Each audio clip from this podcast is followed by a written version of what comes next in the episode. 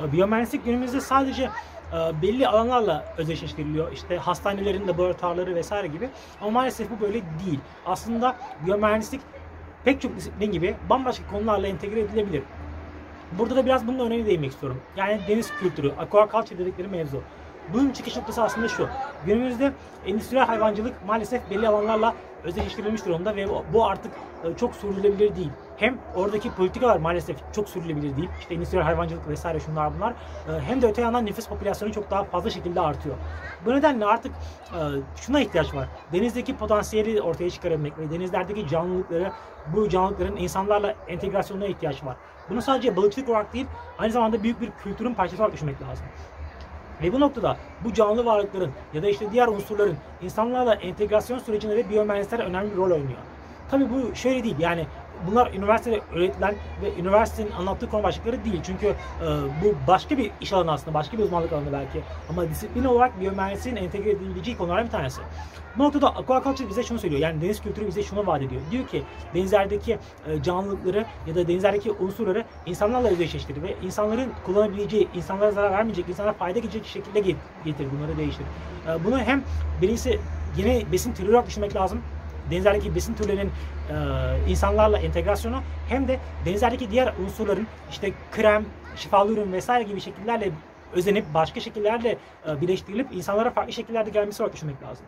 Ve bunlar şu anki şekilde çok fazla mümkün değil. Şu anki direkt bir materyali alıp denizdeki ya da bir canlıyı alıp insana direkt yemesi, insana direkt bunu şifalı bir şekilde kullanması, bitki olarak kullanması ya da bir krem olarak kullanması çok mümkün değil. Bunların işte dönüşüm sürecinde, bunların insanlarla uyum sürecinde biyomühendisler başrol oynuyorlar.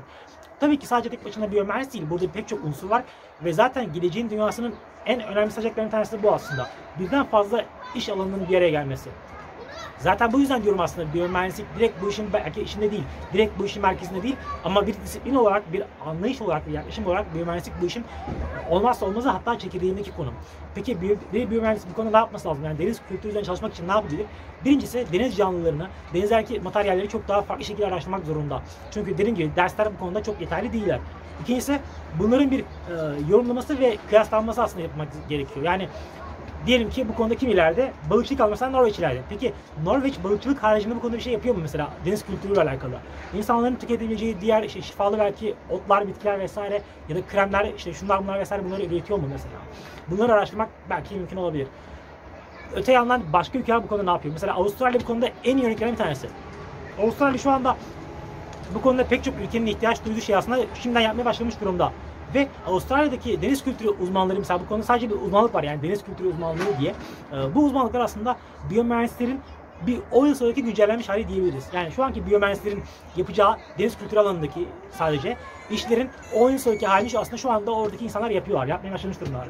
Ve bizlerin oraya gelmesi için, o boyuta gelmesi için şimdiden bunların bir şekilde sınıflandırılması ve anlatılması gerekiyor. İşte bakın Avustralya'da şunlar yapılıyor ve biz bunları bir şekilde uyarlayabiliriz gibisinden. Peki bu konuda kariyer imkanları neler? Yani bir biyomühendis diyelim ki bu konuya karar verdi. Dedi ki ben bir deniz kültürü uzmanı olacağım. Bu konuda ne yapabilir? Birincisi bunun akademik tarafı çok geniş bir alan. Ve gerçekten çok fazla şekilde fark yaratabileceğiniz konu başlığı burada bulunuyor. Bu konuda dediğim gibi Avustralya'yı mesela inceleyebilirsiniz. Avustralya'nın aquaculture işte deniz kültürü özellikleri, çalışmaları. Aynı şekilde Kanada mesela bu konuda çok ileride bir ülke. Kanada'nın çalışmaları mesela olabilir. Zaten master tezinde genelde sizden bir ülke istenir. Bir ülkenin çalışmaları yapmanızı istenir ve e, Türkiye'de zaten çok rahat bir şekilde fark yaratırsınız. Ayrıyeten bu konuda dünyadaki pek çok üniversiteden kabul alma imkanına sahipsiniz. Çünkü örnek veriyorum şu an kıta Avrupa'sı mesela bu konuda çok ileride değil. Norveç falan dedik ama onlar da aslında çok ileride durumda değiller yani. Ve bu ülkeler sizi mesela çağırabilirler. Ya işte gel bakalım bize bir kabul al gibisinden. Ee, tabii çağırmak değil bu aslında. Başvuru yaptığınızda kabul almaktan bahsediyorum. Öte yandan mesela işin danışmanlık tarafı var. Türkiye'de ilgilenen var mıdır bilmiyorum açıkçası. Bir pazar araştırmasını bunu yapmadım çünkü bu konuda bir danışmanımız olmadı daha şu ana kadar. Ama mesela olursa da gayet yapabiliriz tabii ki. Ee, mesela bu konuda bir araştırma yapabilirsiniz. Acaba bu konuda Türkiye'de bir ihtiyaç var mı? Türkiye'de bunu kime satabilirim? Ee, dünyadaki karşılığı ne? Dünyadaki karşılığı mesela balık şirketleri. Çünkü balık şirketleri biliyorlar ki şu anki endüstriyel balıkçılık da çok sürdürülebilir değil. Ve kendilerine yine iş kolları arıyorlar aslında ve bir biyomühendis olarak dünyadaki endüstriyel balıkçılık şirketlerine bunu yapabilirsiniz. Farklı bir iş kapısı, farklı bir iş modeli olarak. Öte yandan kendi startup kültürünüzü oluşturabilirsiniz bununla ilgili. Yanınıza birkaç tane arkadaş alıp belki bir business tarafından, belki bir işte pazarlama tarafından vesaire birilerini alıp bunu yapabilirsiniz örneğin. Bu da mümkün. Ama tabii ki bunların hepsi ya da herhangi birisi size uymayabilir. Niye? Çünkü her meslek, her iş alanı herkesin karakterine uygun değil. Beklentisine, hayat, işe şekline uygun değil. Peki bunun için ne yapacaksınız? Ne yapabilirsiniz? Mesela bizim bu konuda online kariyer danışmanlık platformumuz var, programımız var ve şunu yapıyoruz. Diyoruz ki hangisine uygunsun? Hayattan beklentilerin neler? Bunları inceliyoruz ve işte belli bir periyot sonunda bunlar üzerine kafa yoruyoruz. İşte 0, 3 ay, 3 ay, 6 ay, 6, 12 ay ve ilerisi şeklinde. Ve bunlar günün sonunda bize şunu gösteriyor. Karşımızdaki kişinin beklentileri şuna uygun. Her insan girişimci olmak zorunda değil. Girişimci olmayabilirsin. Belki o tempo, o stresini kaldırmayabilir. Çok normal şekilde bu. Onun getirisi daha fazla, günün sonunda daha fazla maddi kazanç, daha fazla manevi belki de beklenti, tatmin vesaire. Ama oraya gelebilecek misin mesela? Ayrı bir problem. Ya da öte yandan danışmanlık mesela. Belki daha konforlu gözükebilir ama onun sağlayacağı imkanı seni tatmin edecek mi mesela? Tatmin edecek mi? Akademik taraf daha rahat, daha konforlu ama oradaki o süreç mesela o e, sefaya giden yolda çekilen cefa mesela seni tatmin edecek mi mesela? O ayrı, ayrı bir soru işareti, ayrı bir konu. İşte bütün bunların hepsi için bir yandan konuyu araştırmalısınız, o aquaculture, deniz kültürü konusunu araştırmalısınız. Bir yandan da kendinizi bu konuda yetiştirmelisiniz. Yani ben ne istiyorum, neyin peşindeyim vesaire gibi. E, peki bunun gibi başka konu başlıkları var mı? Aquaculture gibi biyomühendisliğin fark yaratabileceği farklı konular var mı? Tabii ki var. Pek çok konu var. Onlarca konu başlığı var. Ama şöyle bir şey var. Günün sonunda sizin kendinizi net bir konuda uzmanlaştırmanız gerekiyor arkadaşlar. Yani pek çok konu üzerinde dağılmak bence bir noktadan sonra sizin uzmanlık vaat etmenizi de çok güçleştirecek. Ve karşı taraf şunu diyecek. Ya biyomühendis ama ne yapıyor? Çünkü mesela bu tarz mesleklerin problemi burada. Atıyorum şu anda bir e, öğretmenin mesleği belki belli ama bir biyomühendisin belli değil. Bu arada şunu söylemek lazım tabii ki. Bir öğretmen belli diyorum ama aslında ben günün sonunda şuna inanıyorum.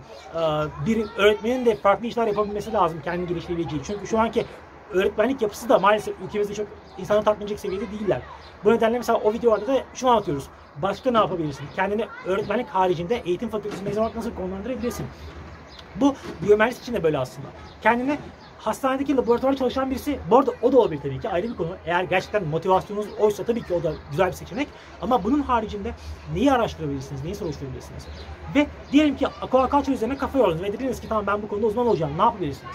Bence buradaki en olmazsa olmaz bir dijital vitrin oluşturup sosyal medya hesaplarınıza bunları kendi uzmanlığınızı algı yönetecek şekilde, algıları sağlayacak şekilde bir pazarlama çabası içine girmeniz ve bunu yapmanız aslında. Çünkü günün sonunda eğer o olmazsa o medyada sizin bildikleriniz, yorumlarınız olmazsa siz başvurduğunuz herhangi bir yerde üniversite mezunu, yeni mezun ya da öğrenci olarak kalacaksınız maalesef. Sizin bildikleriniz, teknik bilginiz karşı taraf için değer atfetmeyecek. Bunun yerine sizin karşı tarafa bildiklerinizi aksettirebileceğiniz, karşı tarafa bildiklerinizi anlatabileceğiniz hikayenizin olduğu, bir paradigmanızın olduğu bir sosyal medya kanalı sizin çok daha fark yaratmanızı ve insanlara dediklerinizin e, geçeceğini, geçmesini sağlayan bir unsur haline gelecektir. Önümüzdeki haftalarda başka konu başlıklarıyla aquaculture gibi heyecan verici, fark yaratabileceğiniz konu başlıklarıyla görüşmek üzere. Şimdilik hoşçakalın.